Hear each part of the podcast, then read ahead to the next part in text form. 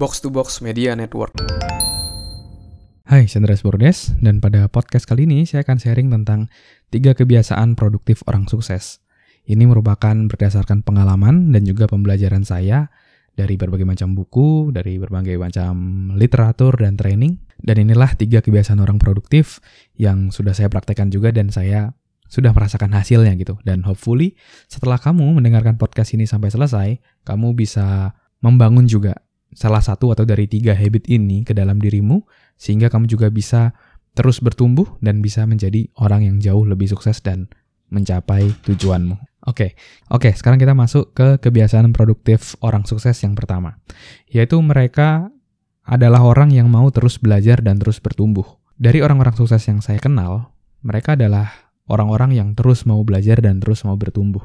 Mereka terus upgrade dirinya, terus jadi jauh lebih baik, terus meningkatkan skill sehingga dia bisa jadi jauh lebih sukses. Karena tentu skillnya bertambah dan akhirnya impactnya adalah dia dibayar jauh lebih mahal. Dan keuntungan di era digital saat ini ya, di mana informasi semua terbuka, kita bisa belajar apa pun ya. Kita bisa dapetin berbagai informasi dari Google ya, kamu tinggal googling, kamu bisa belajar dari YouTube, dari blog, ataupun dari podcast seperti yang saat ini kamu dengar. Dan kamu bisa mendengarkan ini secara gratis ya, for free di Spotify, di Google Podcast, di iTunes, for free ya. Kamu dapat pembelajaran dan it's for free. Dan saya mengalami tuh di era sebelum era digital ini, mungkin transisi ya dari era sebelumnya terus ke era uh, digital, di mana ketika saya mau mendapatkan sebuah ilmu, mendapatkan sebuah buku gitu ya, harus dapatin sebuah ilmu baru, saya perlu ke perpustakaan ya, pinjam buku, cari ilmunya, kerak-rak buku, dan juga ketika saya dulu di Bontang, itu saya juga sering banget ke sebuah toko buku, dan di sana belum ada Gramedia ya, di tahun 2010 atau 2011 waktu itu. Jadi hanya ada satu toko buku kecil namanya Ensiklopedia. Jadi saya sering banget ke sana untuk cari buku tentang pengembangan diri, tentang bisnis, tentang marketing karena saya interest di sana, saya nyari di sana dan sering banget juga saya beli gitu ya. Dan ketika saya belum mendapatkan buku yang saya inginkan, nah sering kali saya juga pergi gitu ya ke kota sebelah, ke Samarinda atau ke Balikpapan untuk cari buku yang saya butuhkan, yang saya perlukan. Jadi dulu tuh kita bener-bener informasi dalam tanda kutip itu agak terbatas gitu ya. Kita harus cari, kita harus keluar dari zona kita untuk mendapatkan ilmu tadi. Sedangkan sekarang, seperti yang saya sampaikan tadi, itu kita semua terbuka lebar. Kita bisa belajar apa pun ya. Bahkan di gadgetmu, kamu bisa belajar apa pun dengan biaya yang sangat murah banget. Mungkin hanya bayar pulsa atau kalau kamu ada wifi juga kamu bisa akses secara gratis untuk apa pun kamu bisa belajar dari YouTube, dari podcast, dari blog, dan lain-lain.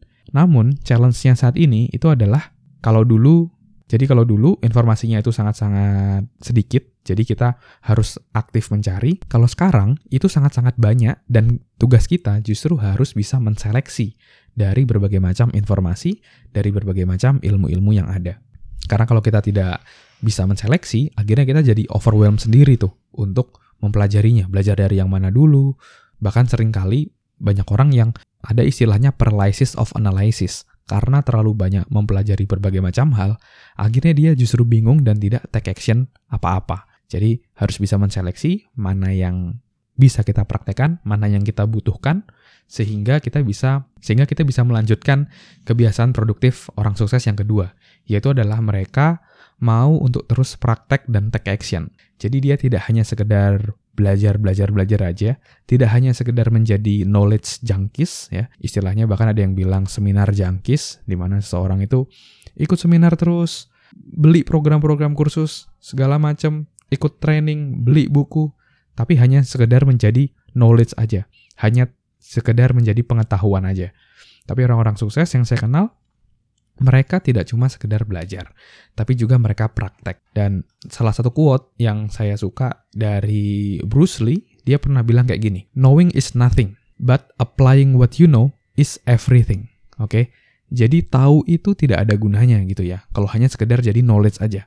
Tapi menerapkan, mempraktekkan apa yang kita tahu itu adalah segala-galanya. Di kebiasaan yang kedua nih, saya mau mengajak kamu untuk menjadi orang yang action taker Di mana setelah kita belajar, nah kita praktekkan. sehingga kita bisa melihat resultnya, sehingga kita bisa mendapatkan hasilnya. Kita mengetahui hasilnya seperti apa, dan tentu ketika kita mempraktekkan, kita nggak langsung berhasil gitu ya. Pasti ada siklusnya di mana kita action, lalu kita dapat result hasilnya yang mungkin tidak langsung sesuai dengan yang kita inginkan, dan di sana kita harus melakukan adjustment. Kita sesuaikan lagi strateginya sampai akhirnya kita menjadi berhasil. Nah, tapi kalau kita nggak praktek-praktek, gimana kita bisa melakukan adjustment tadi?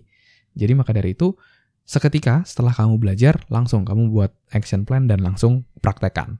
Dan inilah yang saya lakukan dulu ketika saya memulai karir di dunia HR. Waktu itu saya baru belajar dari buku dan juga dari kuliah saya, karena waktu itu saya kuliah di psychology gitu ya. Baru belajar, baru dari awal, tapi saya langsung mencari tempat untuk saya bisa mempraktekkan. Dan kebetulan waktu itu ada teman saya yang punya usaha klinik fisioterapi, di sana saya support gitu ya dari human resource-nya. Dan jadi sama-sama win-win solution gitu ya. Mereka butuh HR dan saya juga mau menerapkan ilmu-ilmu HR yang saya pelajari. Awalnya itu saya niatnya hanya ya udah bantu aja deh, saya nggak berharap lebih.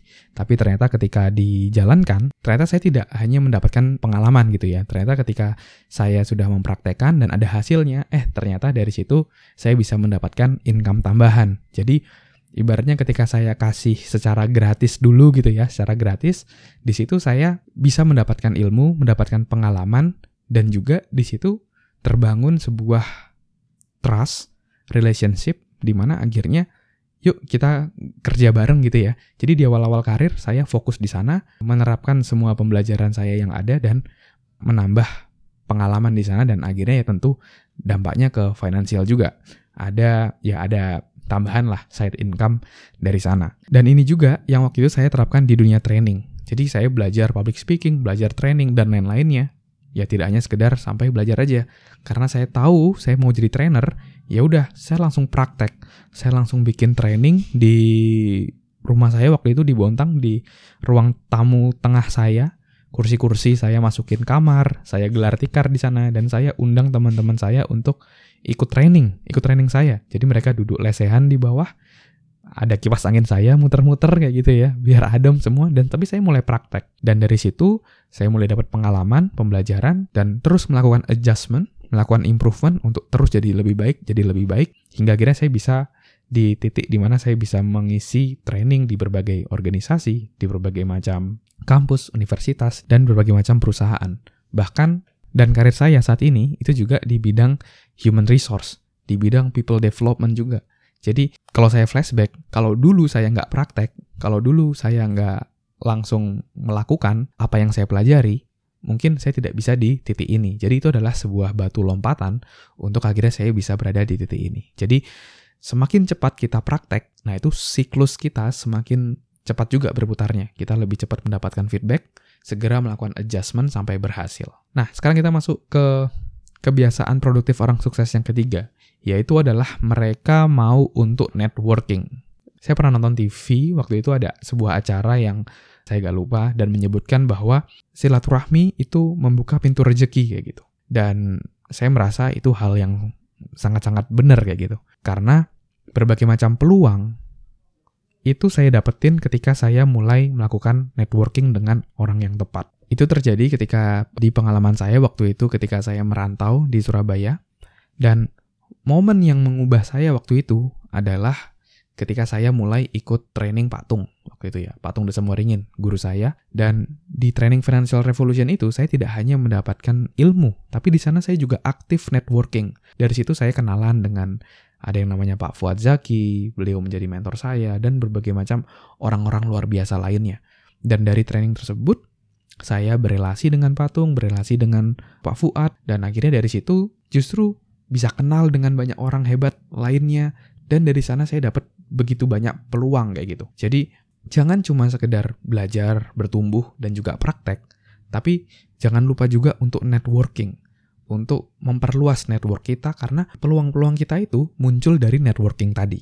Dan kalau sekarang mungkin agak sulit gitu ya ikut event offline karena ya mungkin masih masa pandemi dan semoga segera berakhir ya jadi semua udah bisa mulai normal. Lalu mungkin ada pertanyaan, kalau di masa-masa seperti ini gimana cara net networkingnya? gimana caranya kita bisa menambah relasi di masa-masa pandemi seperti ini di mana kita tidak bisa mengikuti event-event offline.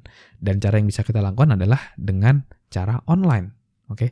kita bisa ngobrol dengan orang lain melalui DM via Instagram dan kalaupun misalnya kita memiliki ada satu panutan gitu ya di era digital ini juga sangat mudah gitu ya kita bisa berelasi dengan dia.